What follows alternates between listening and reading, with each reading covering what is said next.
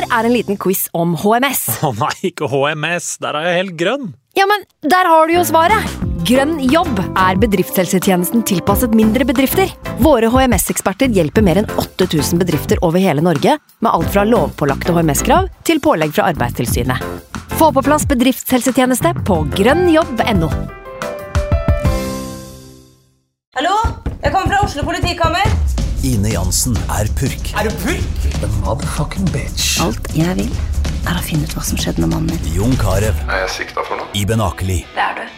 Ole So, Lars Berrum og Big Daddy Karsten. Hvem sin side er du på, egentlig? Anette Hoff, Tone Danielsen, Kommer du fra Afrika? Jørnis Josef, Nesten. Kløfta. Trond Espen Seim, Det er synd å si det, men det var feil mann som døde. Purk. Premiere tirsdag på TV2 Play. Nå har vi starta. Fantasyrådet. Hei, og velkommen til podcast med Fantasyrådet. Fantasy, fantasy, fantasy. Topp 10 eller topp 10 Hei og velkommen til en ny episode med Fantasyrådet. Vi skal igjen snakke geitostball, og dette er del tre av totalt fire i rekken med episoder om Fantasy-eliteserien. Mitt navn er Sondre, og i dag har jeg fått med meg podkastens vante ordstyrer. Hei på deg, min gode venn Franco Rocher. Hei, Macarena. Åssen var det å sitte og høre på noen ta, ta intro? Det er vel obligatorisk av meg å spørre om det.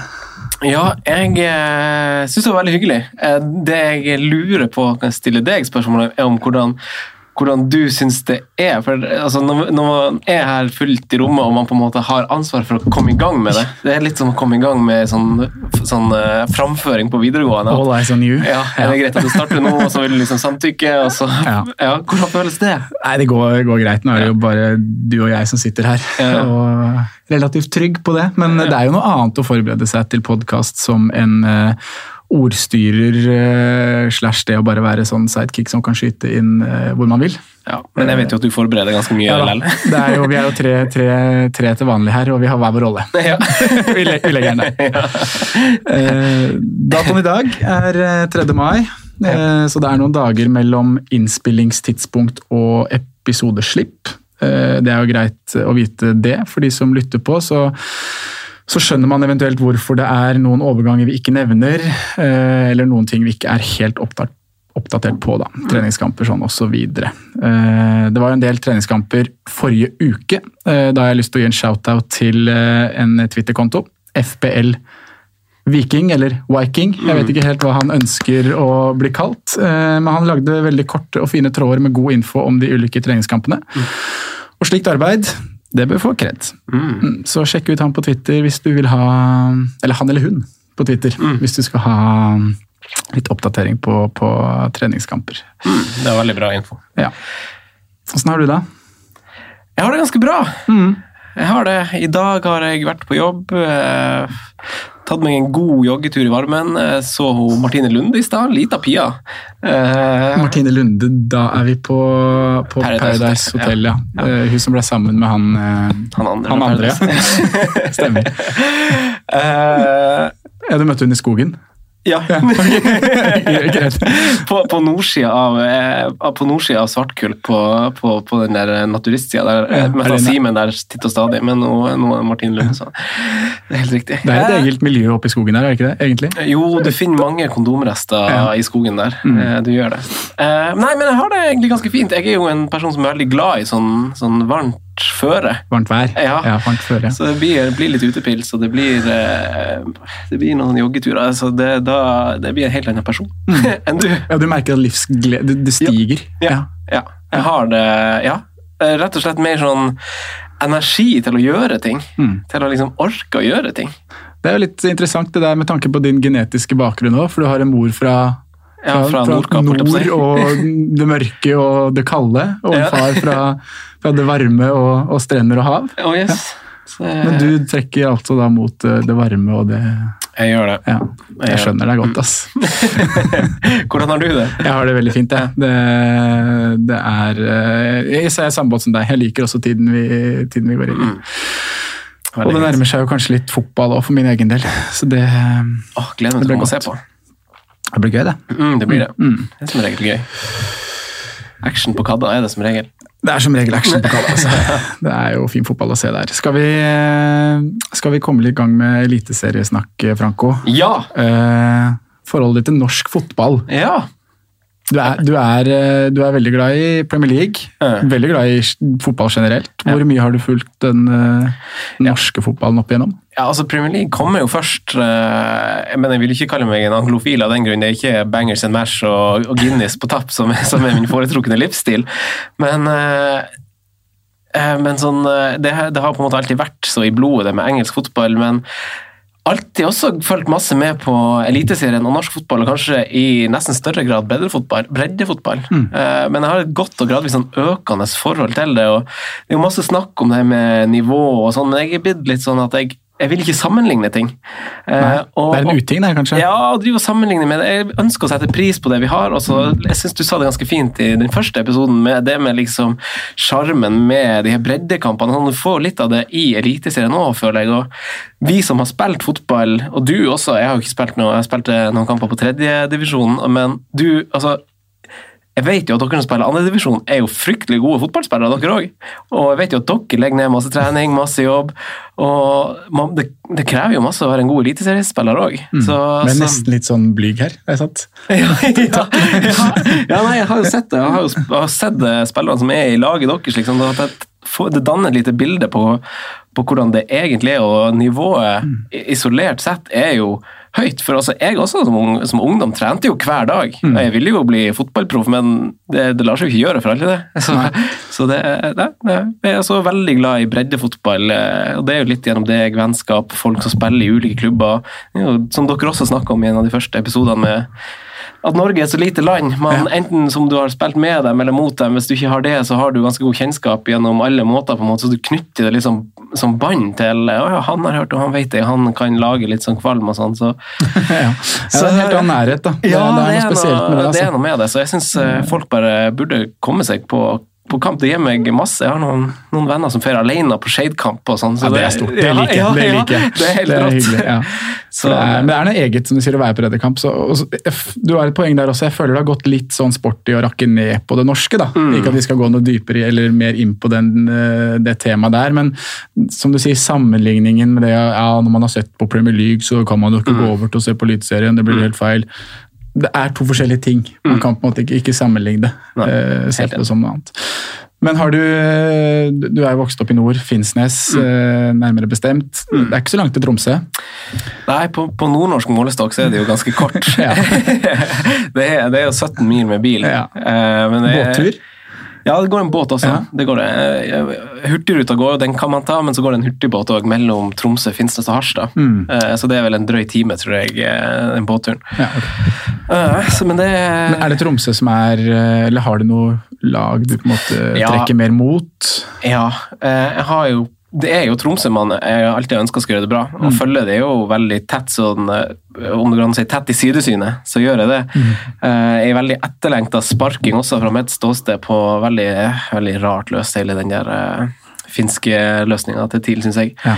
Eh, å. Men ja, eh, ellers så er det sånn jeg vet ikke, jeg. Altså, jeg, jeg, jeg håper liksom Stabæk gjør det bra, av en eller annen grunn. jeg, jeg liker Jan Jønsson. Eh, jeg vet han får masse skryt for å bruke masse unge spillere, selv om de er veldig gode på å sope opp det som er rundt seg fra mindre klubber, uten å, uten å egentlig, uten å egentlig hva man skal si, eh, Nei, da- nevne kilden. Nei, men, men Stabæk har et godt akademi, og Ja. driver jo veldig godt. Ja. Og Kan man si da at det kan eh, være litt sånn sammenlignbart med Arsenal?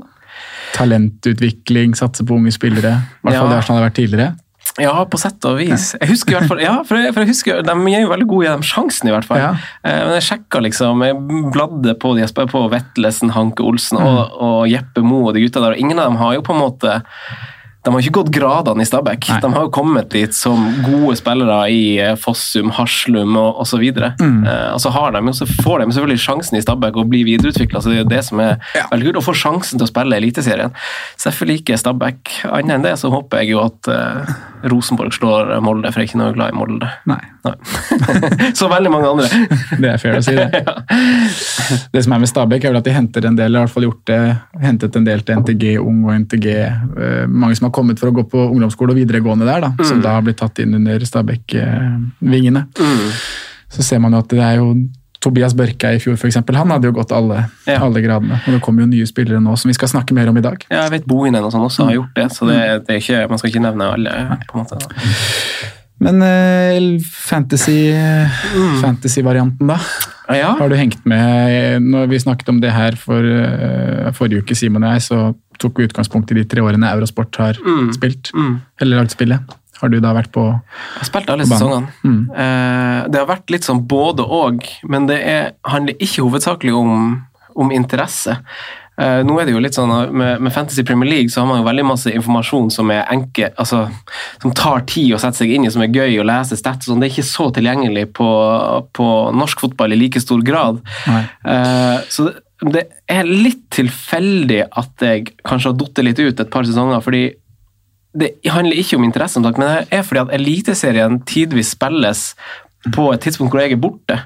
Eh, For, for to sesonger siden så var jeg på et bryllup på, på Sri Lanka. og da, da var jeg på et hotell der som av en eller annen grunn så, så funka liksom ikke bare så de ikke den nettsida. Var det Liksom. i Dambulla? Nei, da var jeg i eh, ah, Hvor var det, da? Galle? Ja, det var ikke så langt unna det, men kom ikke på navnet. her, Det var litt dumt, det. Men vi har jo Merissa? Ja, ikke så langt unna de plassene. Anbefales i hvert fall. Veldig flott sted. Ja. Men da så funka i hvert fall ikke den nettsida, eh, av en eller annen grunn. og da orka jeg liksom ikke å tenke noe mer på det, så da, da gikk jo tre-fire runder i vasken for at jeg var på Sri Lanka i bryllup. Og, og sånn er det sånn, for det spilles jo Tar oss i fellesferien, vet du. Det tar oss i fellesferien, Ja. og da jeg, jeg klarer å følge med hvis jeg er hjemme, men jeg er jo ofte borte. Eh, så, men eh, ellers så, så Hvordan har det blitt sånn eh, Da, da skjønner jeg kanskje at plasseringene har blitt litt deretter, da.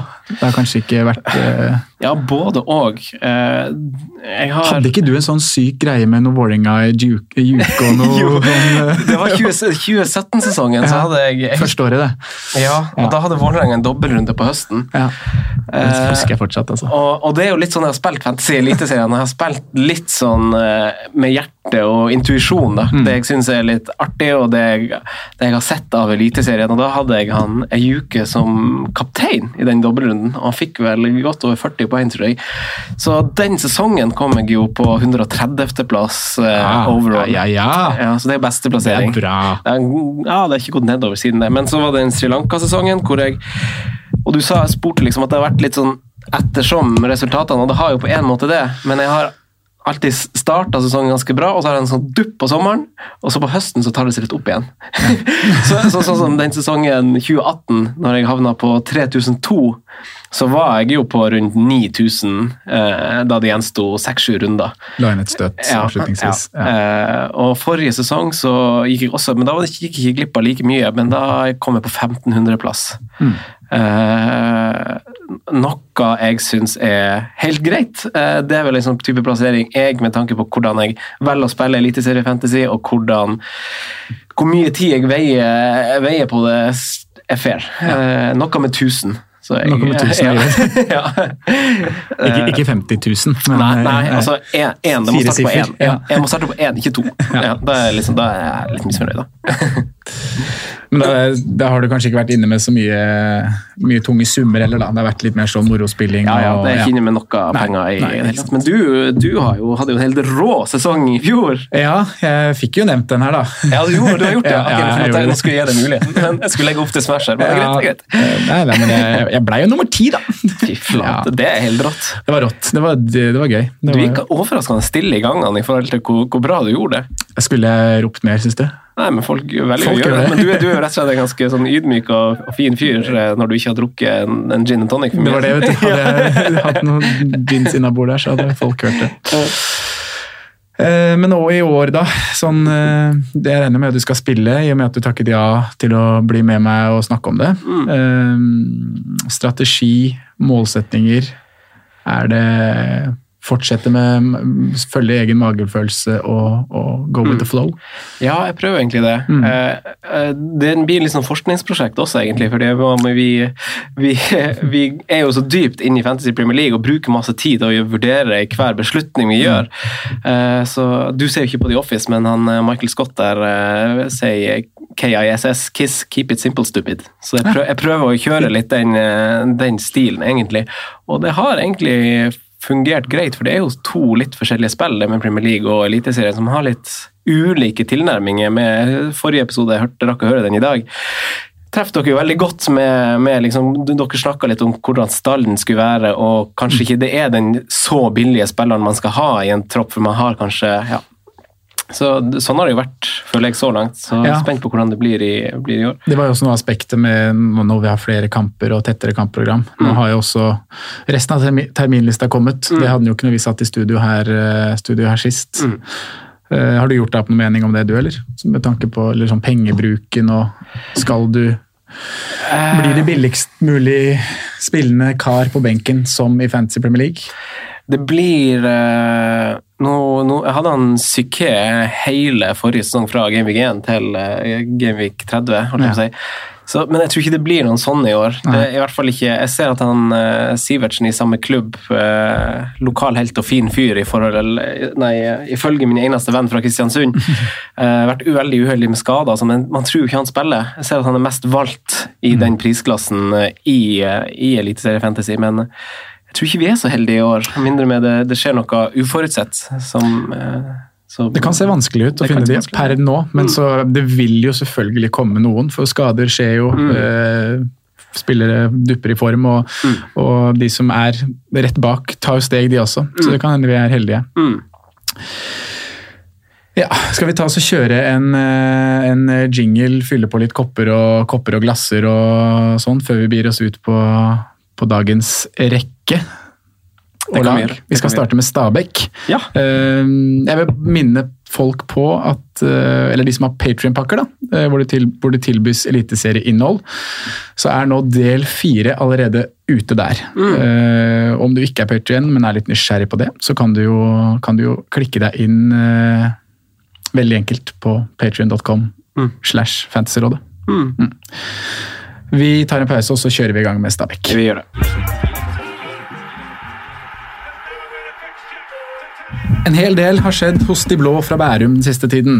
Eh, som vanlig så er det talenter som forsvinner til større klubber, og denne vinteren så er det FM-legenden Herman Gullmyden mm. og Kristoffer Askildsen som eh, storspilte store deler av høstsesongen. Som, eh, som, da føyer seg inn i rekken av talenter som går fra Stabæk og videre til klubber i ja, enten større klubber i Norge eller større klubber i Europa. Man, mannen bak eh, mange av overgangene, Inge André Olsen, han har også forlatt uh, Nadderud. Han har dratt til Danmark. Og inn i rollen som sportslig leder har Torgeir Bjarmann kommet. Den siste snakkisen fra Nadderud, uh, som har lagt seg litt nå, det er jo Brynildsen-sagaen. Uh, og den er jo nå endelig avslutta til alle til Ola Brynildsens foreldre sin glede, i hvert fall, så slipper de å få folk på, på døra hver natt. Men uh, han er nå endelig eh, klart med Molde, og det har blitt en overgang som har blitt uh, gjennomført nå med en gang. Men det betyr at Stabæk mister en stor bidragsyter. Uh, og igjen, de, de, visste jo at de kanskje måtte selge her på et eller annet tidspunkt, og kontrakt som gikk ut, og sånne ting, men de hadde kanskje regnet med at han skulle være en bidragsyter, i hvert fall første halvdel av sesongen. da. Men da, tross en del eh, spennende talenter ut, så virker det som det er en positiv eh, stemning på Nadderud. Eh, og det er også en del eksperter som vurderer klubben eller som snakker positivt om klubben. I fjor så endte det med åttendeplass, og det var etter en meget solid høst. Mm. Hvor de kun tapte én kamp på de siste ti rundene.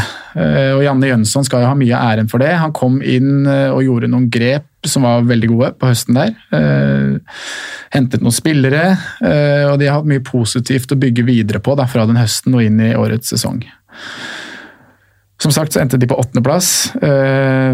De er jo det jevneste laget. De har ti seire, de hadde ti uavgjort og de hadde ti tap. Så midt på der, altså. Overraskende nok så er de faktisk nummer fem på bortetabellen. Mm. Det var noe som, var litt, eh, som jeg ble litt overraska over. Mm. Ser liksom alltid for seg at Stabæk er et godt hjemmelag. Eh, Nadderud naturgress. Men eh, tallene da viser jo også at de Det er jevnt på den bortetabellen, selvfølgelig, men de har også tatt bra med poeng på bortebane, da. Mm. Eh, litt sånn uh, tallmessig offensivt og defensivt, så ble det 36 baklengs i fjor. Uh, det var veldig bra. Det var nest best av alle lag i, i serien. Uh, 14 av de kom hjemme. Det var tredje best på hjemmebane. Og de tapte få kamper på Nadderud. Tre matcher ble tap, men så sleit de med å bikke en del kamper til seier. Det ble også en del uavgjort. da, Syv uavgjort og fem seire. Um, og det skyldes jo kanskje litt trøbbel i eller på den offense siste, siste tredjedelen av banen. Mm. Uh, de hadde 38 skåringer totalt. Uh, det er ikke all verden. 20 av de kom på Nadderud. Uh, og de manglet kanskje den utpregede målskåreren da, i fjor. De hadde jo Frank Boli, som spilte 13 kamper før han ble solgt til Ungarn. Han klarte før det å skåre seks mål. Mm. Og ble altså toppskårer sammen med Brynildsen og Kasper Junker, da, som de henta inn på høstsesongen. Mm. Som vel hadde et hat trick der i løpet av høsten. Mm. Um, så målskårer er egentlig kanskje det største spørsmålstegnet da, når vi skal uh, når vi nå skal diskutere troppen litt nærmere. Um, har du har du liksom noen forventninger til Stabæk? Du sa jo innledningsvis her at du likte Stabæk litt. Har du troa på at eh, åttendeplassen kan forbedres? Eh, om den kan forbedres, det er jeg litt usikker på. Men jeg, eh, jeg liker å, å starte sesongen med spillere fra lag som ikke har gjort veldig store forandringer i troppen sin. Mm. Eh, som, som, er liksom, Vi vet litt hva vi går til, og vi så den høstsesongen som eh, Jønsson ga oss med Stabæk. Mm. Eh, så, så du, du, nevner det jo fint. altså Sandberg med nest flest clean sheets vel, og laget med nest flest clean sheets over sesongen. Og det, det, var bra du, du, du retta på det jeg var litt usikker på, at det var den oppsvingen på høsten som sørga for masse av det her som de tar med seg det, så, så gjør et defensivt valg i Stabæk eh, frist, det, altså det frister meg med, med, Hanke Olsen. Jeg er litt usikker på de stopperne til fem, om eh, Solheim og sånn starter, og hvordan, hvordan det løses. Amankwa han er vel 5-5. Stemmer. Eh, så da er jeg litt sånn eh, Altså, Hanke Olsen han spilte jo litt høyreback i fjor, mm. og selv om han opprinnelig er stopper. Men jeg syns han tok den rollen ganske fint i de kampene jeg så. Eh, mm. Han var en sånn 'Å ja, du er stopper, men legg inn på den måten der'. Så han var en litt sånn en liten positiv overraskelse for meg. men rent framover i banen så syns jeg du sier det er ganske greit. Altså, de skårer jo for lite mål. Eh, og der, Det er jo fortsatt et litt sånn ubeskrevet blad, da, hvordan mm. det fungerer med Asemi, som nå er permanent i klubben, eh, tenker jeg. Ja. Så, uh, så jeg, tenker, jeg, tenker, at jeg kanskje skal inn defensivt i Stabæk, fordi med tanke på det vi vet akkurat nå, så mm så går det bra der om dagen. Eh, hva ja, tenker da. du? Så har de jo en, en, eh, en start som er eh, ganske grei. Mm. Uh, Vålerenga borte der i runde to jo, kan jo alltid være tøff, men Mjøndalen hjemme Gikk bra i fjor, gjorde du ikke det? Kanskje bra i fjor. Ja. Det, ja. Mjøndalen hjemme i runde én og Sandefjord i runde tre. Det er jo, det er jo to fine matcher. Mm. Så jeg også har veldig lyst til å, til å komme meg inn på noe defensivt der. Vi kan jo gå hvis vi tar litt om overganger først, da, før vi dykker litt i ledd for ledd, mm. eh, så har vi jo som sagt eh, Askelsen, Brynildsen og Herman Gulmyden ut. Mm. Eh, Askelsen var jo på høsten, han eh, fikk spilletid. Brynildsen det er en spiller som man selvfølgelig vil savne. Uh, Herman Gullmyden, det var fem innhopp, så det er liksom ikke noe vits å nevne han. Mm. Uh, I tillegg til disse spillerne så er det flere som har forlatt Stabæk. Uh, Hernandez har vel mm. gått. 27 eh, kamper på bekken. Uh, samme har jo da Kasper Junker, som var eh, inne på, på, lån på høstsesongen. Mm. Han har jo gått til en rival, som vi skal snakke mer om i neste episode. Mm. Eh, men han fikk elleve kamper fra start på, på høstsesongen der, og skåra seks mål, hadde én målgivende pasning. Mm. Så han var involvert i ting, selv om et av Eller det var vel et hat trick der, da, så mm. man blir kanskje litt lurt av tallet. Men mm. uh, han var involvert i ting som skjedde i Stabæk. Mm. Tillegg til det så er Daniel Bråten ferdig. Uh, det var vel kanskje bare et tidsspørsmål. Samme Vadim Demidov. Mm. Det er jo spillere med rutine. Det er det jeg kanskje tenker mest på med de, med at de gutta har forlatt, forlatt troppen. da. At man mister jo Selvfølgelig er det gode lederegenskaper i de her, selv om de ikke er på banen. Mm. Så ja, Man vet aldri hvordan det kan, det kan spille inn. Eh, og så hadde de jo Sammy Skytte. Eh, som var på lån fra Midtjylland. Spilte 13 matcher på høsten, som også har forlatt, eh, forlatt laget. da. Og så er han vel ferdig, han der eh, Han som egentlig starta sesongen først Altså I første kamp i fjor så husker han Rushike var ganske god. Ja, Så knakk han ankel, Ja. og så røk han korsbåndet. Og nå er han, Han er fortsatt på kontrakt, men de sier at han er ikke med i planen, og Ja, han er eh, ferdig. Uff, stakkars. Ja, det er uh, Uff, ja. Så ille kan det gå. Noen har bare veldig veldig mer uflaks enn andre, altså. Ja. Um, men du er inne på noen av de som har kommet inn, da. Mm. Du nevner eh, Solheim. Mats Solheim han har jo kommet fra Hammarby. Eh, det er en spiller med rutine. Vært nå fire-fem sesonger i Sverige. Litt sånn sporadisk med spilletid de siste årene. Eh, men det er jo da en, en spiller som, som eh, sikter seg inn på høyrebekkplassen Ja. i Stabæk. Er det det, ja?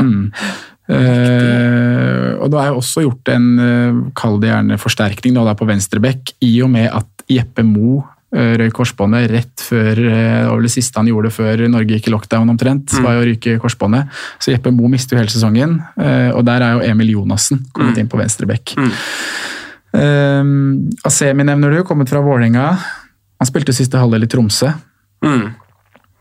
Hadde vel så som så med Ja, ja. Jeg tror han gjorde det greit. Ja. Ja, men uh, Det var noen skåringer her og der, men han er på en måte Han har jo ikke klart å få det Han har jo vært en veldig god målskårer, i hvert fall på Post Nord-nivå, andredivisjonsnivå. Mm. Eh, Obos litt usikker på, men Eliteserien har på en måte blitt hakket for tøft for han, da. Ja. Eh, så, så må jeg bare se der, og det blir jo en konkurranse der med Asemi og Kinoshita, som vi skal komme litt nærmere inn på senere. Mm.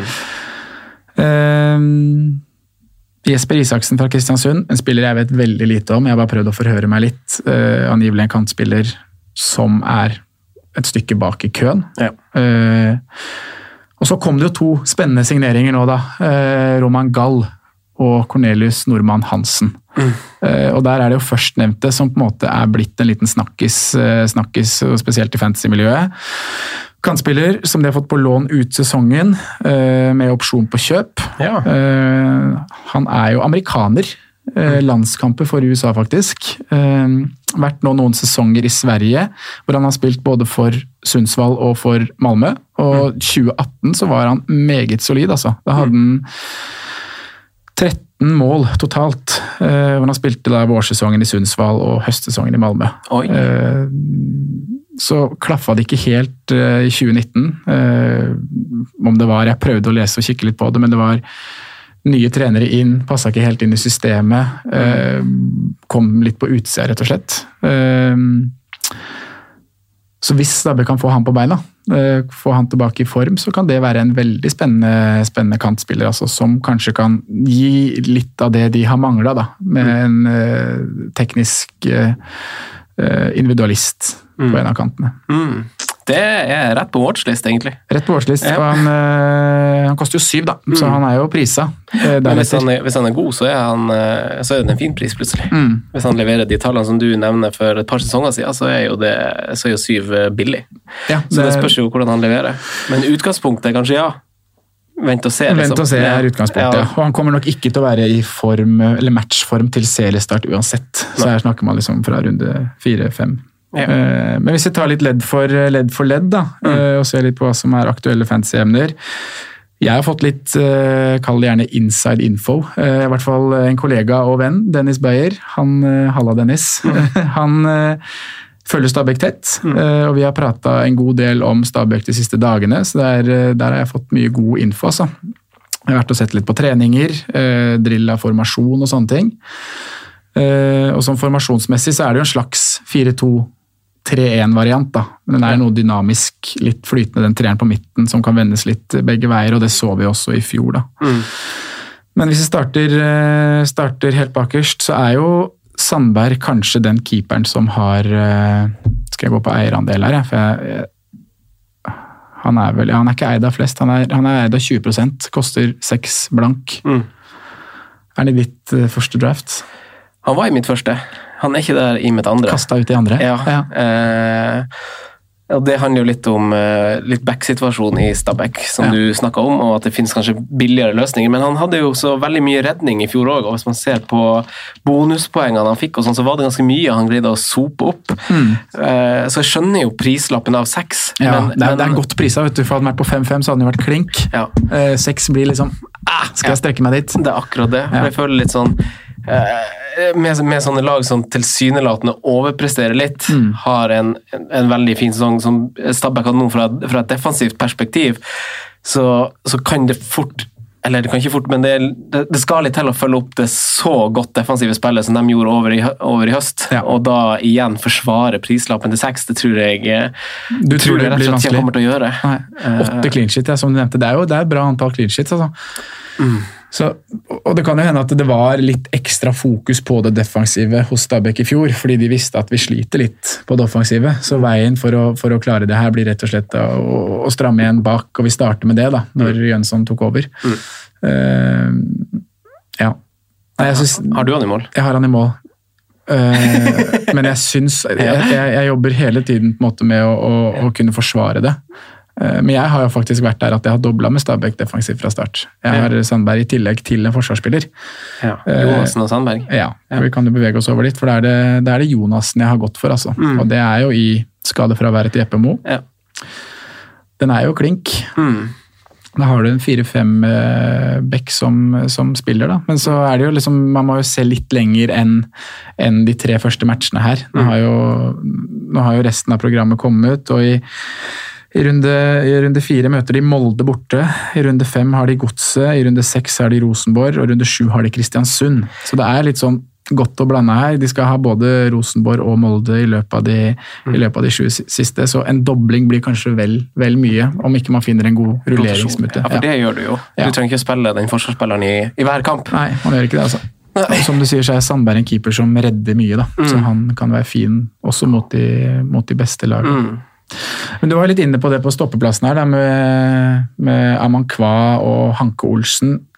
Et spørsmålstegn her er jo bredden, eh, og om kroppen til Amankwa Han har vel egentlig vært ute og sagt at det blir et eh, veldig tight kampprogram. Eh, og da, når man ser på alternativ tre og fire på, stoppeplass i Stabæk, så er ikke det Det er ganske stor nivåforskjell, da. Ja. Man har jo en en stopper ved navn eh, Han er vel 02-modell. Nicolas Pignatell Jensen. God på FM. Ja, god på FM.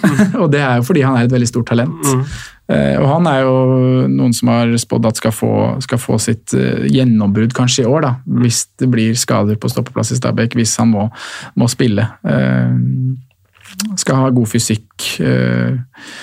Eh, ja, være en stopper som da Han har vært kapteins, kapteinsmann på aldersbestemte landslag i, i flere år. Så det er i hvert fall en, en vei man kan gå om det skulle bli skader på Hanke Olsen og Amankwa.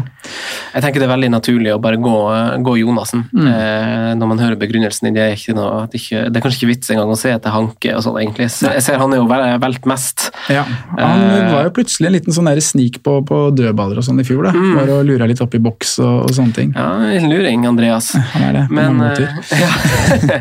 Nei, men det er veldig naturlig å gå, gå Jonassen, egentlig, når du får eh, Så, så han finner finner i hvert fall høyst sannsynlig i mitt lag, tenker jeg. Ja. Samme her. Skal vi ta midtbanen? Ja, For her dukker det opp noen spennende alternativer, syns jeg. ja kanskje. Eh, kanskje, ja. Eh, to, to dype, en tier, eh, to kanter, eller en dyp og to litt mer flytende indreløpere. Jeg er spent på hvordan det blir. Eh, det er jo det er jo, Vi har snakket litt om nå han som var høyest priset, eh, Gall. Der er det bare, der sier vi vent og, vent og se, men sett det på watchlisten. Eh, så kan vi bare starte med Bohinen, da, som er, mm. er valgt av flest, jeg tror. Veldig solid poengfangst i fjor. Ja, Og det, det jeg synes er litt viktig å ta hensyn til med Fantasy Eliteserien, er jo det bonuspoengsystemet, og at det ikke er statistikk som velger hvem som får bonus. At det er en såkalt man in the stand, eller kall det en ekspert, Ja. som, som velger det. Og jeg prøvde jo å grave litt i stats på Sofascore, fordi jeg så jo at han er valgt såpass mye og snakkes litt opp. 33% er det her ja. vi sitter nå. Så, så det, det, det er jo veldig dårlige tall fra i fjor. Skyter lite, skaper lite sjanser. Men det er én ting i Eliteserien han gjør aller mest. Gjett hva det er? Jeg slår crosser eller noe sånt. Nei, takle. Takle, er det, er det? fle- Flest taklinger per kamp i all, av alle i Eliteserien. Interessant. Ja, så det er litt sånn jeg tenker, Da sitter en oppi bua der, vet du. Og se på Ja, kriger! Kriger for de blå! Ja. Ja, så det, så, så det er sånne ting som Det, det høres jo veldig sånn lett ut å si det, Ja. men man, man, når man sitter og skal det, altså det vises jo godt på banen. Ja. Uh, så sier Stabæk Krige seg en 1-0-seier, da, og, og han har Han har blokkert noe der ja, og vært nedpå litt. Ja. 14, 14 bonuspoeng i fjor, da. Ja, Så det er jo bra, det. Det er bra. Ja. Så, så Men en annen ting med han er jo at han er, han er jo på absolutt alle dødballer, sånn Ja. som det er nå. Ja. Eh, Med Jeppe Mo ute òg, som har slått noen corneren. Men nå er det jo det er cornere, det er frispark og det er straffer også. er det straffe òg? Mm. Oi! Det ryktes jo det. Da, da, det er jo veldig eh, viktig, viktig info, faktisk. Det er jo det. Ja. Uh, men jeg er jo litt redd for at han kanskje Eller jeg er ikke redd for det, men det jeg er kritisk til. For han blir jo sammenligna med andre spillere i samme pris, prissjikte. Uh, og jeg sammenligner han også med spillere som han har på, i egen stall. øh, og man blir litt for dyp. Ja. Og- men det er, det litt avhengig av hvordan de, hvordan de vender og snur på denne treeren. da. Mm.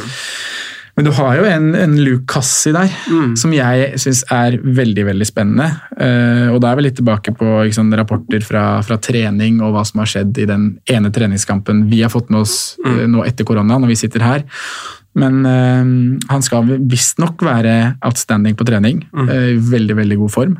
Eh, og han har jo hatt veldig mange gode sesonger tidligere. Både i 2015 og 2017 så var han oppe på tosifret antall med, med målpoeng. Så om det blir en tierrolle på Kassi, så syns jeg den er veldig fristende, altså. Mm. Det kan jeg være enig i. Ja, men så er det jo det her med dødballene til Bohinen som kanskje bikker det hans sin vei, da. Men så er det jo et eh, annet aspekt der, men det er ikke noe å, drolle så mye rundt. Men uh, Bohinen er jo et hett salgsobjekt, og Ja. Forsvinner jo mest sannsynlig i sommer. Ja, tror jeg. Vil man tro. Ja. Eh, Men jeg syns det er to interessante karer på midten der. da. Og så danner de jo den treeren, blir jo komplett da med Med Gall. Hmm? Med Gall? Eller tenker, Nei, du tenker på treeren i fysisk i laget? Sentrale Ja, ja, ja. ja, med Spiller Vetlesen da, eller? Lomanza er jo den siste Ja. som skal inn i treeren, og han har visstnok gått ned 7-8 kilo og skal visst være i kjempeform. Yes. Så det gjør meg positivt på at det er en god sentrallinje i Stabæk. da. Mm. Men Vetlesen drilles på venstrekant. Ja. Ja. Uh, og så er det Edvardsen da, som er på høyre kanten. Eh, Så skal jo Gall inn på en av de kantene her. Jeg tenker sånn umiddelbart at det er jo da er det jo plutselig gjort litt forandringer hvis, om Vetlesen skal opp og spille litt kant. Mm. Edvardsen, som var veldig sånn inn og ut i fjor, eh, skal plutselig man belage seg på at han skal fylle de skoene Brynildsen hadde. Ja. Så det, det, er jo, det er jo viktige roller for et lag som allerede har slitt litt med å skåre mål. Ja. Eh, og belage seg på omskolering av egne spillere og, Mm. og de løsningene der. Så jeg tenker at det kan avhenge litt av Gall etter hvert. Ja, dersom han eh, får, skal, skal få en rebound på en svak forrige sesong og ta med seg det han har gjort tidligere, så maybe. Ja, men jeg syns jo også nei, Edvardsen er veldig veldig spennende. Ja, da. Ja. Eh, 6-5 koster han. Eh, han er jo en rett fram kant. Mm. Eh, veldig eh, god én mot én, kjapp og teknisk. Mm. Jeg har jo møtt han et par ganger, når han spilte i Grorud, var det. Mm. Han var jo en spiller som egentlig var på vei til college, og egentlig skulle forlate landet torsdag, men så ble det signering med Stabæk i stedet onsdag, typ. Eh, Så det kunne jo gått en helt annen vei sånn sett. Eh, Men der òg spår man jo et ordentlig gjennombrudd i år, da, hvis han kan få, få kapra den kantplassen til sin. Veldig spennende. Så, så, så det er spennende, og han kan jo i enkelte kampbilder også dyttes helt opp. Mm. Hvis Gall kommer inn, du har Vetlesen på venstre, Gall høyre, og så kan du kjøre Edvardsen som en eh, Back, med eh, spissvariant. Ja. Mm. Så er det en spiller som jeg fikk, fikk tips om fra, fra min venn Dennis, da, som faktisk ikke er kommet på spillet med pris, men Magnus Lundahl. Eh, Der sier mine kilder årets gjennombruddsmann. Stabæks nye salgsobjekt. Eh, Indreløper tier. Det er jo da sikkert en som skal ta over Bohin-rollen, komme Mm. inn. Eh, Men han ble jo tatt opp og fikk eh, proffkontrakt nå for tre-fire uker siden. Mm. Og det er jo en Stabæk-gutt som har vært eh, blå siden han ikke bleia, så vidt jeg har skjønt det. Mm. Så der må dere få skaffa pris, eh, Jonas. Dere venter vel på at han skal skal inn og spille litt, så dere kan overprise litt, tenker jeg. Angrep. Angrep! Ja. Er det så masse snakk om? Kan ikke du bare ta det du har der? Altså, jeg har, altså, jeg har bare skrevet nei. Nei, nei. Jeg skal si at eh, Kinoshita blir en joker, sier jeg da. Ja. Eh, koster jo seks blank. Mm. Kommer til å starte når, eh, når seriespillet starter. Mm. Eh, er nok foran Asemi, Asemi i køen. Det er jo fordi at uh, Fitimar har vært skadeplaga i oppkjøring og sånne Mm. ting. Eh, og Janne Jønsson har jo sagt at eh, Ja. Han har sagt at uh, Kinoshita har tatt steg, eh, og at det kan være noe uforløst der. da. Eh, og Han var jo i fjor en spiller som kom til en del sjanser når han fikk minutter, men han sleit jo med å, med å sette de. Så jeg syns det er en potensielt joker da, til seks blank. Eh, og hvis det flyter skikkelig, så kan han komme seg opp på tosifra antall skåringer. Men det er mye visematte dersom at, altså. Ja, men det, jeg føler jo det med generelt med, Når jeg hører deg prate nå, den informasjonen du har som er veldig god, så er det jo veldig masse spennende, men veldig masse usikkert. Ja, men Stabæk er vel et av de lagene som kanskje er den sikreste. Sånn, det er enklest å spå elver akkurat nå. Ja. Det vil jeg tro. Ja. Eh, Men sånn fantasy-messig så er det litt sånn usikkert hva det kommer til å levere. Vi vet at Sandberg står, det blir eh, og Hanke Olsen, Amankwa stoppere. Vi har Solheim og Jøns uh, Jonassen. Jonassen på bekkene. En tre på midten er satt. Men det er litt sånn, hva skal du gå for av Kassi Bohinen? Jeg er frista på å ha en av de, det er jeg absolutt. Må bare bestemme meg for hvem av de. og så er det kantplassene da, som kanskje må, må sette seg litt, med Vetlesen, Gall og Edvardsen. Ja. Ja. Snakka, snakka lenge om Stabæk. Snakka lenge om Stabæk. Tida flyr. Vi hopper over til Kristiansund, da. Nei, Ja, Haugesund tar vi først. Haugesund! Har skrevet i manus, ja. Ja. De skåra et par mål mer enn Brann og Stabæk, og kom dermed høyest av lagene på 40 poeng i fjor. Mm. Syvendeplass ble det. Det har vært en del støy rundt permittering og spillere på vei tilbake fra både dopingdommer og skader. Mm. Eh, hvordan er ståa i Haugesund nå, Franco? Så ba, altså Bak sånne tordenskyer sånn, så er jo himmelen fortsatt blå, og, og tar man tida til hjelp, så går jo sånne ting over. Eh, og det har det tilsynelatende gjort. Eh, det har roa seg litt i den stormen rundt permitteringer og hvordan de valgte å løse det som jeg skjønner sett utenfra skaper, skape litt situasjoner i klubben. Eh, men eh, de hadde en veldig god treningskamp mot Brann, eh, og jeg siterer fra deres egen hjemmeside, og da selvfølgelig coachen der. Inspirert hjemmelag som i perioder kjørte over gjestene fra Bergen. Eh, og Det er jo viktig å påpeke spillere de har de, de får tilbake noe i løpet av sesongen som mista mye i fjor, i spesielt Wadji og, og Stølås. Og, og Wadji er jo tilbake i trening og veldig fornøyd i for, ifølge Grinhaug, og skal være tilbake 19. juli, for da har han sona, sona de, det året han skulle sone. Lyse hvis vilje ut av øynene på ai, så, så vi vet jo at vi har en veldig god mann der, skulle han bli klar. og Haugesund, tredje beste bortelaget i 2019. Fjerde beste bortelaget i 2018. Eh, og det, det, vis, det forteller meg at det er ikke tilfeldig. Eh, de fremstår jo på sett og vis som to ulike lag på, på hjemme- og bortebane. En helt annen formasjon til og med på bortebane kontra, kontra hjemme. Og hvis man ser litt mer på stats så er det jo kun, kun Molde som skapte flere store sjanser som lag enn enn det Haugesund gjorde. Og Haugesund var jo det laget som brant aller flest store sjanser med 41. Eh, Molde nummer to med 36.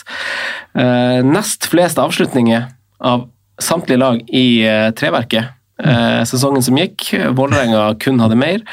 Og slapp inn fjerde minst mål, så de har veldig, veldig gode stats som taler for at de kommer til å, å kanskje ende høyere i år enn hva det de gjorde. Og at de fikk litt underbetalt i fjor. Og i år har de ikke henta noen nevneverdig store navn. De har jo heller mista Samuelsen, Tronstad. Så får de tilbake Våge Nilsen, Stølås, og så har de jo henta et par navn. men litt som Simen var inne på, de har ikke henta det der helt store navnet X-faktor-spilleren, men vi vet jo hva han Grindhaug gjør med, med kollektiv, og hvordan han får ting til å fungere. Så, så det er jo for meg eh, veldig mange aktuelle spillere egentlig i, eh, i, eh, i Haugesund, og da spesielt, eh, spesielt en nok en statsmann da, som eh, du garantert har skrevet noe på sjøl, til 7-5 i Sandberg. Eh, også ekstremt god mot Brann nå i treningskampen. Han spilte godt over en omgang der. Tar dødballer. Eh, så spørs det noe med straffa da, med Stølås tilbake, men han skårte på sine tre av tre straffer i Stølås sitt fravær. Eh, tar jo alle, alle dødballer. Eh, og kun Gjertsen og Eikrem, Gjertsen er jo nå borte fra Eliteserien, skapte flere store sjanser uh, sesongen som gikk, enn det Sandberg gjorde. Så til 7-5, høyaktuell. Ja, helt enig. Uh, Stølås føler jeg, som jeg kapteina de to rundene han innkasserte de her eh, kjempestore summene i fjor, syns jeg kanskje nå er litt sånn for dyr. Det koster 7-5, han nå. Ja, det Ja. samme som Sandberg. Eh, og så har jeg notert meg en joker, og det blir igjen med, med referanse til eh, hvordan bonussystemet hvordan bonussystemet fungerer, og kanskje også med hvordan du Sondre, har snakka om at man setter kanskje troppene opp litt ulikt i Eliteserien og har unnet seg litt mer penger på benken, så er det jo en spiller der eh, som man kanskje har venta på et lite gjennombrudd fra, som koster fem på midtbanen, som er en driblefant, eh, er på topplista med Most Successful Dribbles. Det faller i god jord hos ekspertene som skal gi bonuspenger, og det er jo Bruno. Ja, Eh, Bruno Leite. Ja. Ja. Det er bare sånn nå- Man venter litt på gjennombruddet, ja, sier man det. gjør det. Det er, nå eh, er Tronstad gått, nå, er, nå er Samuelsen eh, i høll. Mm. Så det er liksom, Kanskje det kommer nå. Ja, så jeg er litt spent. Ja, Eh, da fantastisk da- god da han spilte i Skeid. Ja, så, så ble jo en sånn det var jo to steg opp for han, da. Ja. Eh, men jeg er så spent på Bruno. Ja, jeg føler liksom fargerik spiller. Jeg føler det er Mm. Ikke så mye målpoeng igjen, da, men det er som du sier, bonuspoengpotensial der. Altså hvis du har penger til over, så skal han ha Ja, benk. det, er- det er bare en sånn der eh, Det er ikke en du skal velge. Jeg har bare notert meg det som en potensiell joker, Mm. fordi jeg syns, syns prisen var fin, men Sandberg blir etter all sannsynlighet i hvert fall å finne i mitt lag. Jeg syns egentlig kampprogrammet er fint. Jeg har jo også fått ansvar for Glimt og egentlig spart det til, spart det til da, men eh, de har jo fine kamper, og så er det eh, den Glimt-kampen borte, men der har eh, Haugesund vunnet tre av sine fire siste. Ja. Uh, og de har et lite sånn De er jo gode på bortebane. De er stabilt et bra lag som man eh, egentlig kan stole litt på. og Får dem Får de de skuddene i treverket og Wadji tilbake, så tror jeg vi kan være oppe og nikke på, på topp fem, ja. tenker jeg. Nei, Jeg er også veldig positiv til Haugesund. Jeg var, eh, satt og, og chatta litt i går, og da skulle vi liksom spå hvem er det som egentlig kan komme pulja bak Rosenborg og Molde her. Da. Og da har jeg faktisk at Haugesund kan være en potensiell eh, tredjeplassutfordrer. Altså, Jeg tror vi i hvert fall finner de på topp seks. Ja. Eh, som du sier, de har ikke fått inn noen sånn tydelige forsterkninger i at shit, det er en god signering. Men de har fått tilbake Waji, som de ikke hadde regna med å ha halve sesongen. Eh, og det samme gjelder jo Stølås. Som de heller ikke, Det er jo på en måte nye menn inn sånn sett. da. Våge Nilsen òg. Ja. Han var masse skada i fjor. Hvordan er men- han situasjonen der nå? Er han helt uh, Han er jo frisk. business? Jeg husker bare jeg leste, leste artikler om, Ja. fra Grinhaug fra i vinter at han syntes litt sånn synd på han og, og håper Mm. at det løser seg med kroppen. Uh, men uh, han spilte, spilte mot Brann. Ja. Men du har jo dratt egentlig veldig fint og greit igjennom eh, alternativene her, sånn fantasy-messig. I hvert fall det offensive, da, med, Mm. med Sandberg, som uh, absolutt er på watchlist. Uh, og egentlig er Igjen så er det en god prising, syns jeg. Mm. 7-5. Eh, den er liksom Den er litt sånn uh, Tygge litt på den. Ja. Men helt, helt opp, up front Ja. Der har du Waji er jo, som du sa, var det 19. juli du nevnte? Mm. For det er jo litt tid før han, før han kan begynne å spille igjen. Ja, det sto også altså det sto at han var tilbake i trening, lyse vilje osv., men det Ja. sto at han er langt fra kampklar også. Ja, så det det er viktig å påpeke og ta med at alt det er en jobb å gjøre der, Ja, som fysisk. Ja. Eh, men er det noen av de andre spissalternativene som er å vurdere fra start? Jeg vet ikke. Nå er jo han Schweibu tilbake, Mm. og jeg vet ikke hva man kan forvente fra en som han til, eh, til seks. Og egentlig heller ikke Kalman. Jeg føler at det at, at Men han hadde skåringer nå i treningskampen, hadde han ikke det? Kalman? Eller blingser jeg da? Sjekk FBL Viking på Twitter. ja. Jeg er ikke sur her òg. Men han har i hvert fall vært frisk i treningskampene. Ja, Eh, Eller trening, og ja. Hadde vel noen skåringer i fjor. Ja, hadde 33 poeng. Han er jo prisa til sju av en grunn, men det er jo en sånn der eh, Han skal levere godt for å ikke miste plassen, så det er sånn et bytte som man venter på å gjøre ved å ha han i laget sitt, føler jeg. Ja. For det er jo én spiss som gjelder i formasjonen til Grindhaug. Mm. Eh, Det er vel 4-3-3 eller eh, en slags eh, Det er Ja, det er 4-4-2. 4-5-1 på bortebane. ja. Kjempe- Ja. Ja, men Det er kanskje bare å avvente der. Mm. Eh, Og bak så er på en måte det meste litt litt overprisa. Mm, jeg syns det, altså. Eh, Og så kan man gå for Stølås hvis man føler at det er verdi i det. Mm. 7-5 syns jeg er dyrt med tanke på at han har vært ut, ute så lenge. da. Ja, og Nå sa jo jeg at Sandberg tar alle dødballer. Hvordan blir det når han Mm. Det er gjør han jo ikke. Nei, det gjør han ikke nå lenger. Nei. Arrester deg selv. Nå nå må han forberede seg på å dele, ja. Ja, han må det. Ja. Eh, Det er jo det som har vært eh, vidunderlig med også Den fantastiske skuddfoten han har. Ja, og det er jo, det er jo Man forventer jo mål Ja. eh, mer enn hva man forventer assist, nesten. Ja, ja, det, han skårer jo hver gang det er frispark fra 35 inn, så er det stor målsjanse. Ja. Stor målsjanse. Big chance. Ja. Mm. Er det noe mer? Jeg har sett at han eh, Mikkel Desler har vært i noen lag litt sånn rundt omkring. Ja. Eh, Nei, jeg prøvde, jeg prøvde å kikke litt på forsvarsspillerne der, Mm. og jeg syns ikke det er så masse Altså, jeg blir litt sånn Kanskje keeper, eller så hadde jeg gått, gått Stølås, men eh, Altså, det 5-5, det, det kan jo vise seg egentlig å være fint. Det er jo det alle, alle koster, holdt jeg på å si. ja, det er det alle koster. Eh, bortsett fra han ene som antageligvis ikke spiller samme, men eh, den er Med den clean sheet-historikken og hvordan de er Det er litt sånn tror, De er liksom Jeg vil ikke si at de er fixture proof, for de er ikke et av de beste altså de er ikke de to beste lagene i Eliteserien, men de er såpass gode på bortebane og på hjemmebane at man kan kanskje vurdere å bare la stå. Mm. Altså, Der har du valgt egen forsvarsspiller til 5-5 som bare du lar stå. Ja, og Hvis du ser på de tre første matchene her, da, i hvert fall Brann og Kristiansund hjemme Mm.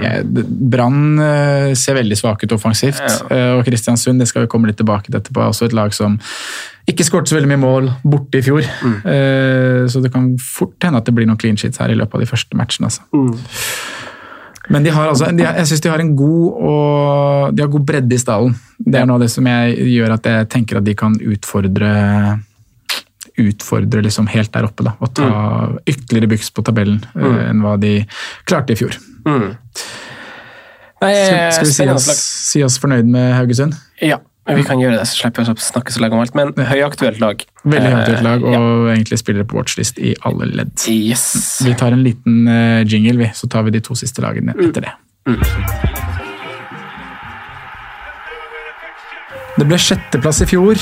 Ett Et steg tilbake for første gang på veldig mange år. Men det er fortsatt meget imponerende det de driver med på, på Nordmøre.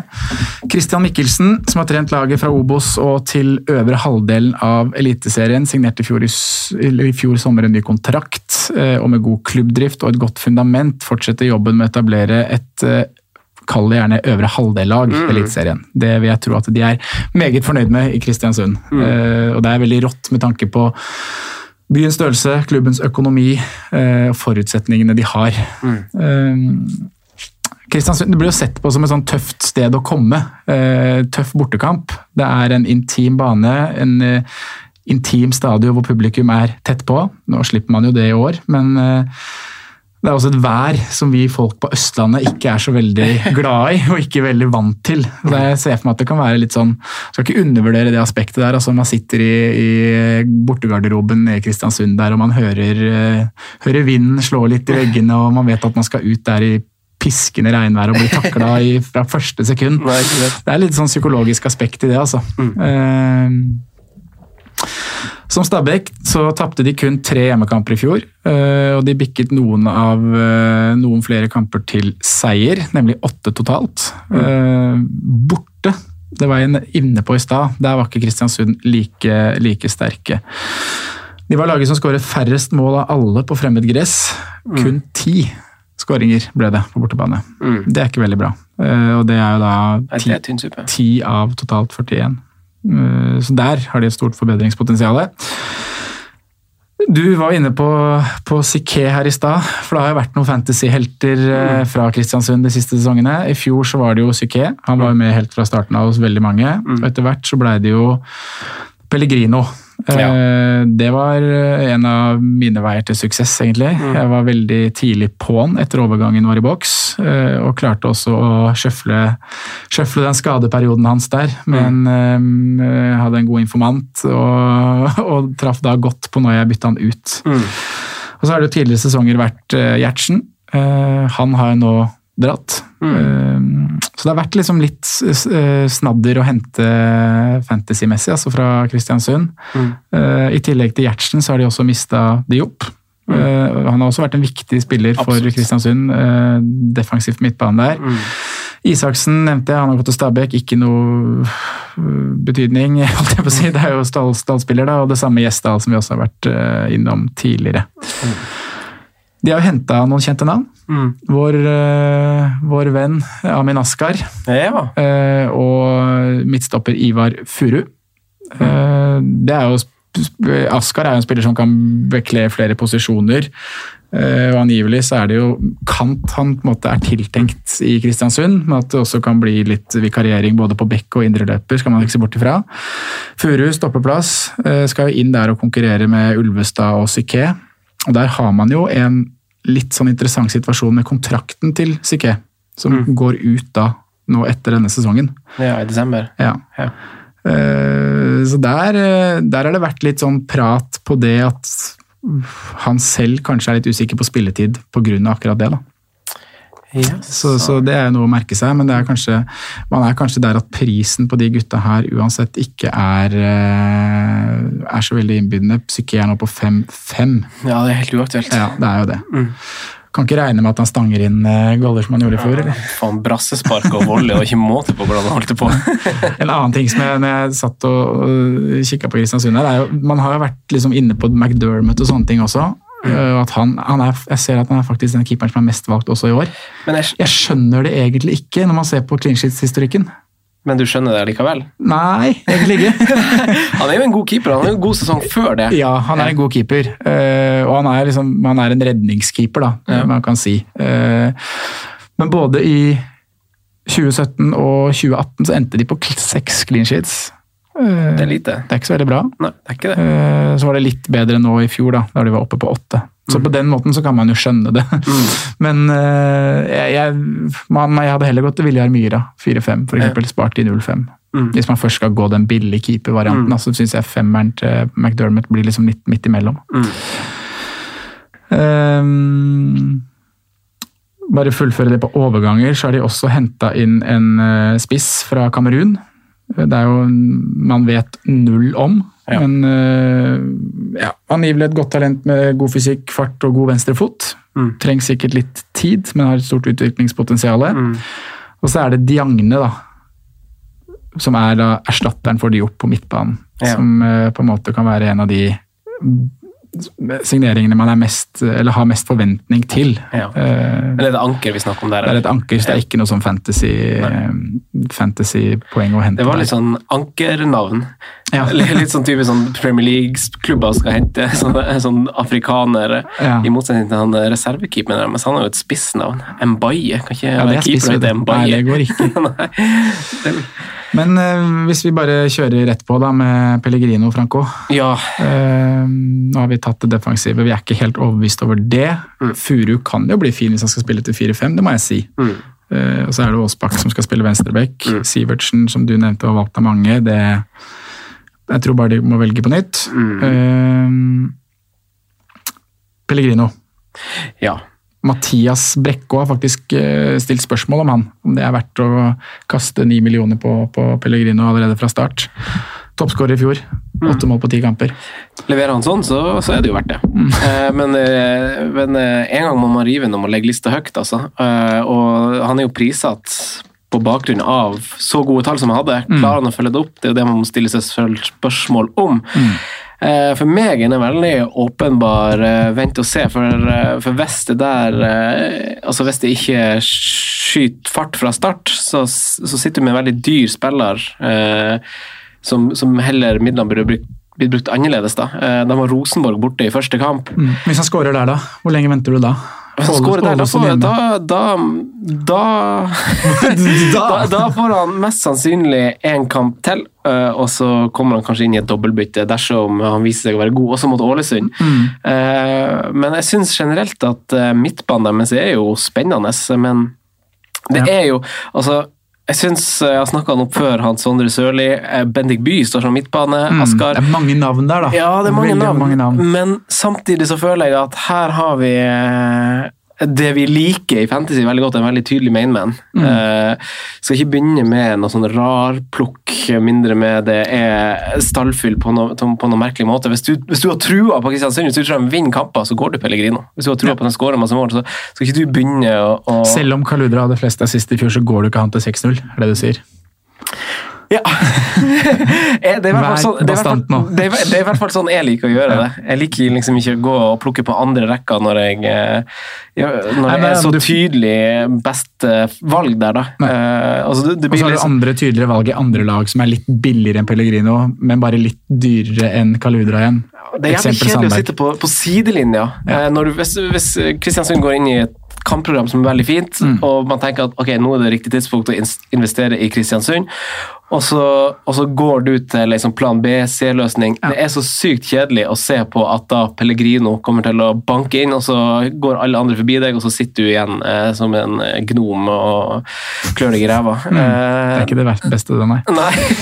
Så, så Så det er jo så mange navn der, som du sier. da, Du har By, du har Sørli, du har Askar, du har også fått inn en Skarsheim fra, fra, fra Ranheim, som Mm. visstnok ser veldig bra ut på trening. da. Eh, Det er ikke noe fantasymann, men det er, det, er, det er litt konkurranse, og Pelle, Pelle er vel den eneste som er klink, som du sier. Ja.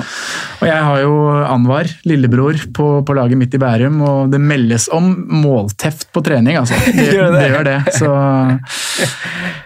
ja, Ni, oh, det er mye, men mm. skåreren mot Rosenborg skal inn, altså mot Ålesund, som slipper inn mål. Ja, Vi, har, vi snakka om det innledningsvis også, at Eliteserien Mm. og Fantasy Premier League må ikke sammenligne. Det er to ulike spill. Hvis, hvis han leverer som han gjør og koster ni, og selv om Kristiansund ikke gjør det Mm. kanon, så, så er det et bra valg fortsatt, Ja. eh, tenker jeg. Flamur Kastrati. Ja. Eh, Vi beveger oss opp til angrep. Fire skåringer og, og fem assist på litt over 1000 minutter i fjor. Det er jo kroppen som er, mm. som er spørsmålstegnet, men når han spiller, så er han jo alltid involvert, og det er jo en veldig positiv ting for Kristiansund at han spiller, for da vinner de ofte kamper. Hvis han er eh, Rapportene sier nå Nå veit jeg faktisk ikke hvordan det er akkurat per dags dato, ja. men hvis han er i gang og spiller kamper fra start, er det langt unna da til åtte millioner? Nei, kanskje ikke. For jeg syns ikke i Eliteseriefantasy at 7,5 og 8 millioner er så sabla masse. Eh, nødvendigvis. Så det er en sånn eh, Man har den i sidesynet, da. eh, men, men ikke fra start. Nei. Nei. Det er egentlig bare Pelle du er på fra start der hvis du ønsker å betale ni. Ja, egentlig. Egentlig. Men Sondre Sørloth Nei, Sondre Sørloth. Ja. Sondre Sørli. Ja. Sondre Sørli han kommer til å få en helt rå sesong. Det er bare å vente og se. Ja, du melder det? Ja. Da er det notert, altså. Ja. Vi hopper til siste, siste lag, vi, som er uh, Viking. Oh. Vi er Viking! oh.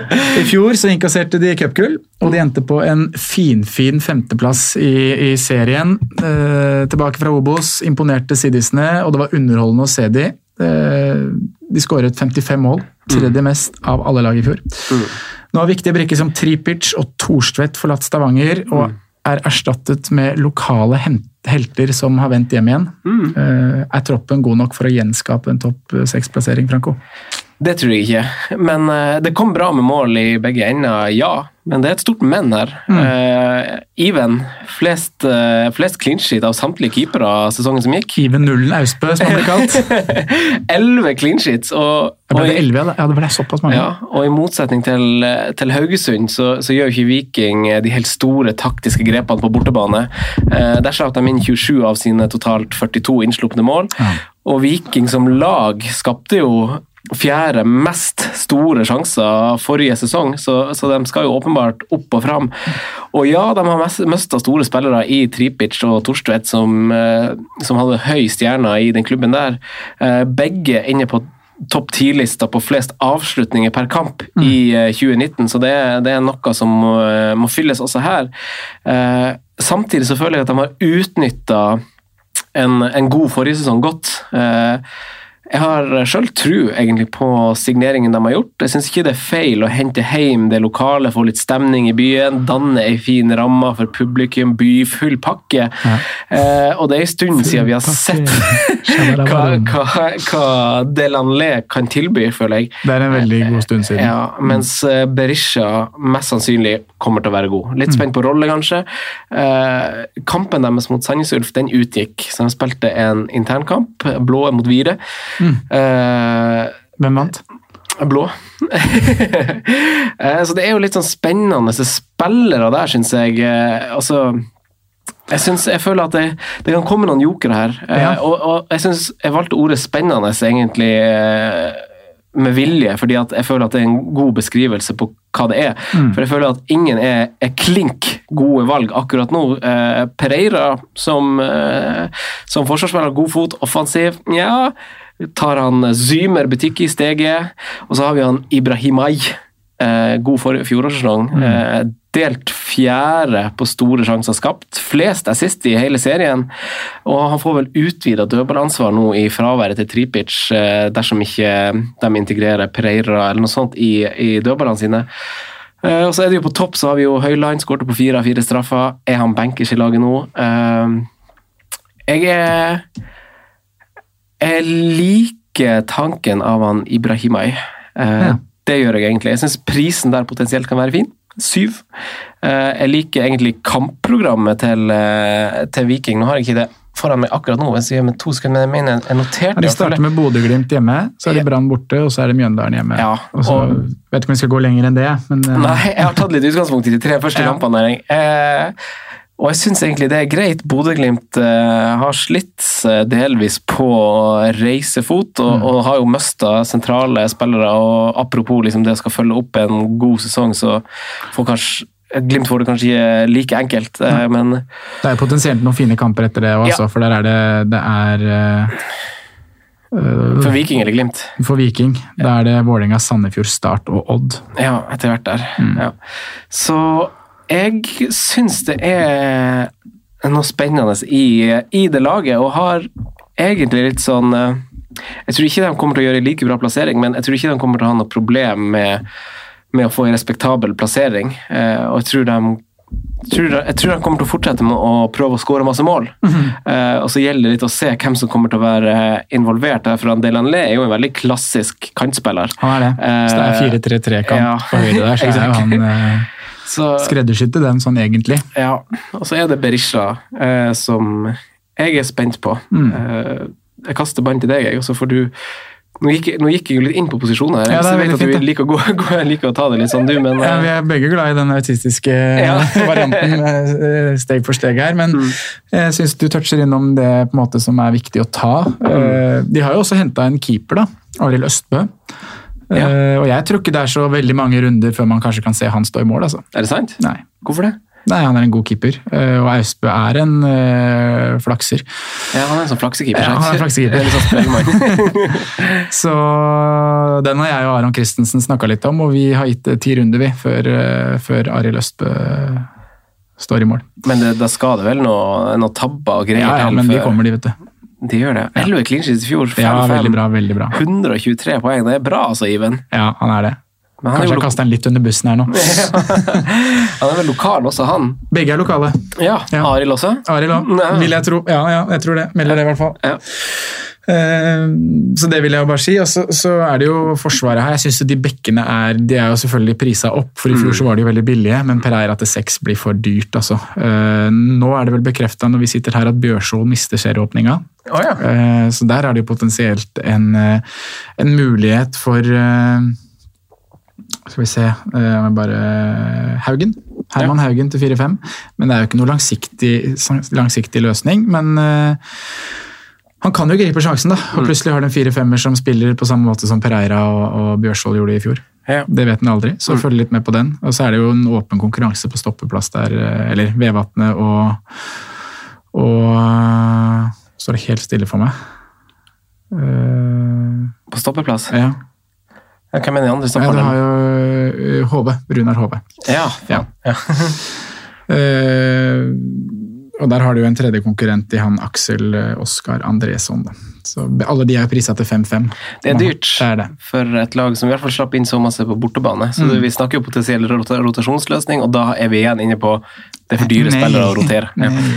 Men midtbanen er jo spennende. så En nevnte jo ikke Løkberg og, og Jonny Furdal, som eh, man alle venter på at skal ta Eliteserien med storm. Jonny Furdal, der har du jokeren. altså.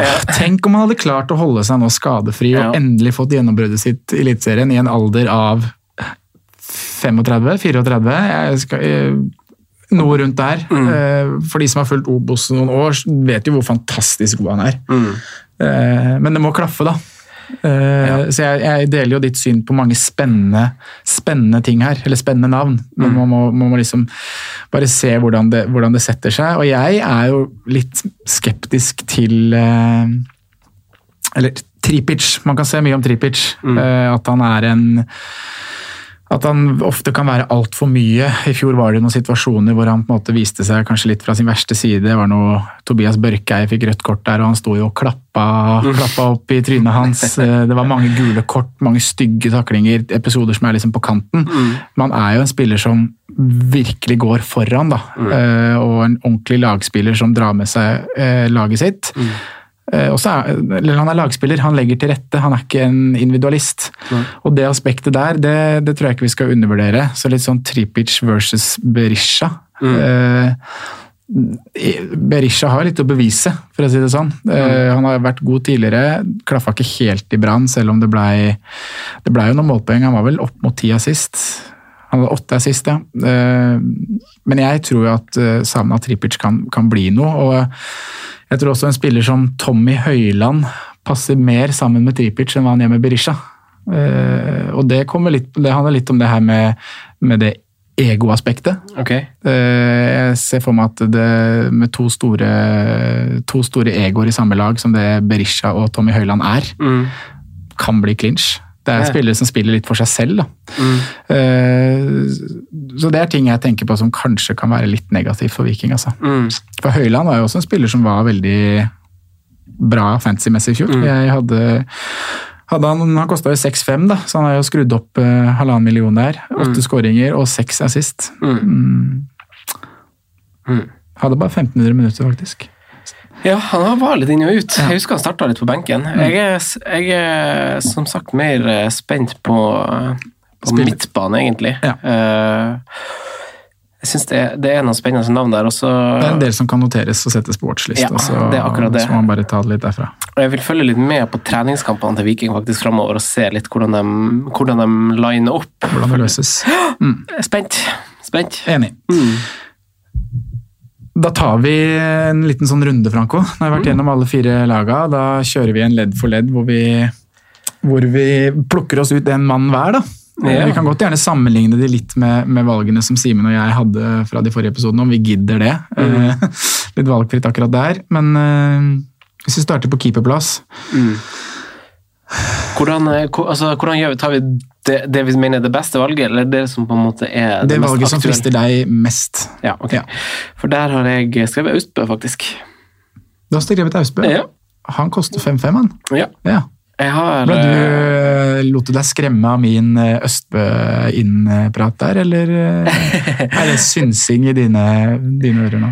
Nei, verken eller. Eh, Det, det blir litt med referanse til det jeg innleda med. Jeg liker, like å bygge på det vi vet foreløpig, og det vi vet er at han gjorde en veldig god sesong i fjor. Det var 11 clean sheet som er mest. Han har mange gode sesonger i Eliteserien.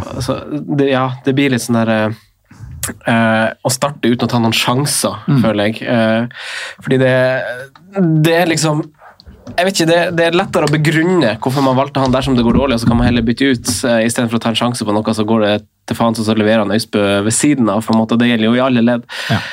Hvem var du? Har Sandberg. Ja. Uh, jeg, vi har snakka om det at prisen kanskje er litt for høy, men med Mjøndalen, Sandefjord, Godset eh, hjemme da, i løpet av ditt eh, liksom, seks første der, så, så tror jeg det er potensielle clean sheets. Og så er det kamper hvor det kan reddes litt mot Vålerenga, Molde, Rosenborg. Ja. Så det er han som er nærmest laget av de keeperne her nå. Ja. Det, blir, det blir nok Sandberg eller Myra for min del, altså. Ja. Om ikke ting snur eh, forsvar.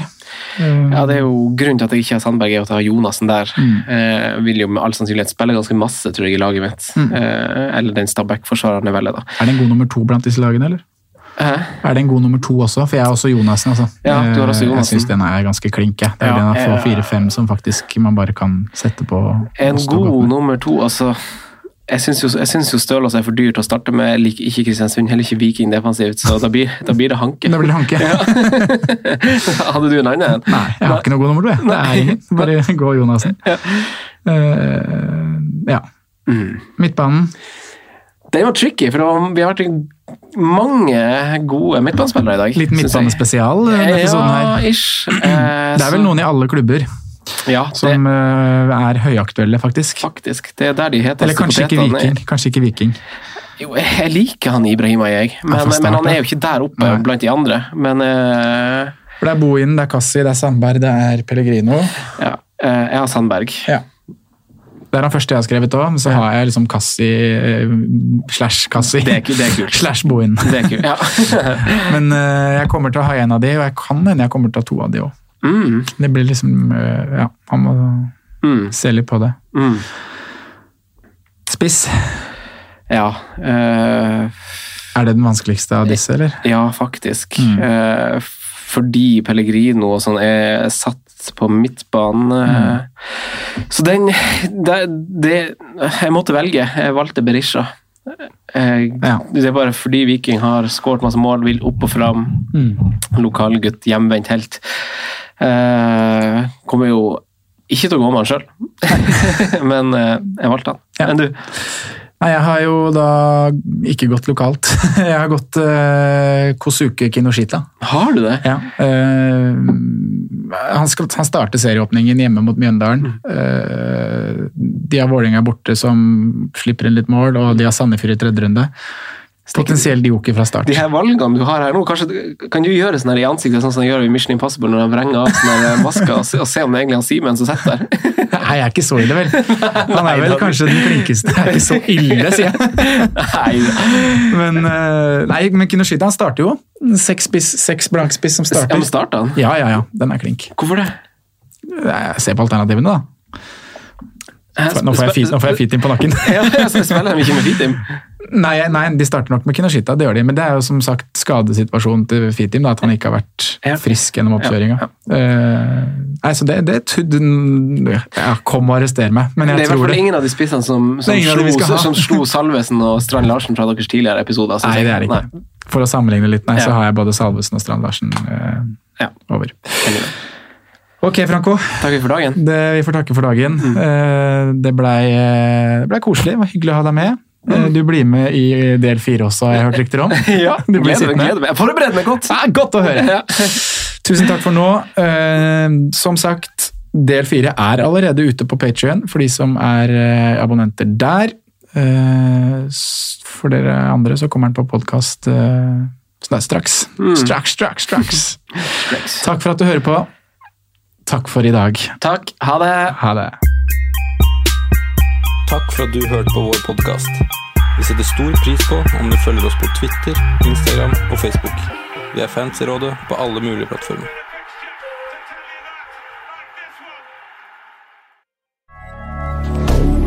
Moderne media. Ukens annonsør er Folio, en smartere banktjeneste for deg som har en egen bedrift eller ønsker å starte for deg selv. Folio er en superenkel nettbank for bedrifter. Som kunde i Folio får du en bedriftskonto med et bedriftskort og app. I denne appen er det smarte løsninger som forenkler regnskapet ditt, uansett om du har en liten bedrift eller et enkeltpersonsforetak. Folio er både intuitivt og brukervennlig, og er laget med et enkelt språk. I tillegg tilbyr de forutsigbare priser og ingen skjulte gebyrer. Skulle du likevel trenge det, så kan du snakke med deres raske og hyggelige kundeservice, og der får du prate med en faktisk person og ikke en chatbot. Folio er med andre ord både enklere og koseligere enn banken. Over 10 000 bedrifter har allerede valgt Folio som sin banktjeneste, så besøk folio.no og se hvordan Folio kan forenkle din hverdag også. Har du et enkeltpersonforetak eller en liten bedrift? Da er du sikkert lei av å høre meg snakke om hvor enkelt det er med kvitteringer og bilag i fiken, så vi eh, gir oss her, vi. Fordi vi liker enkelt. Fiken superenkelt regnskap.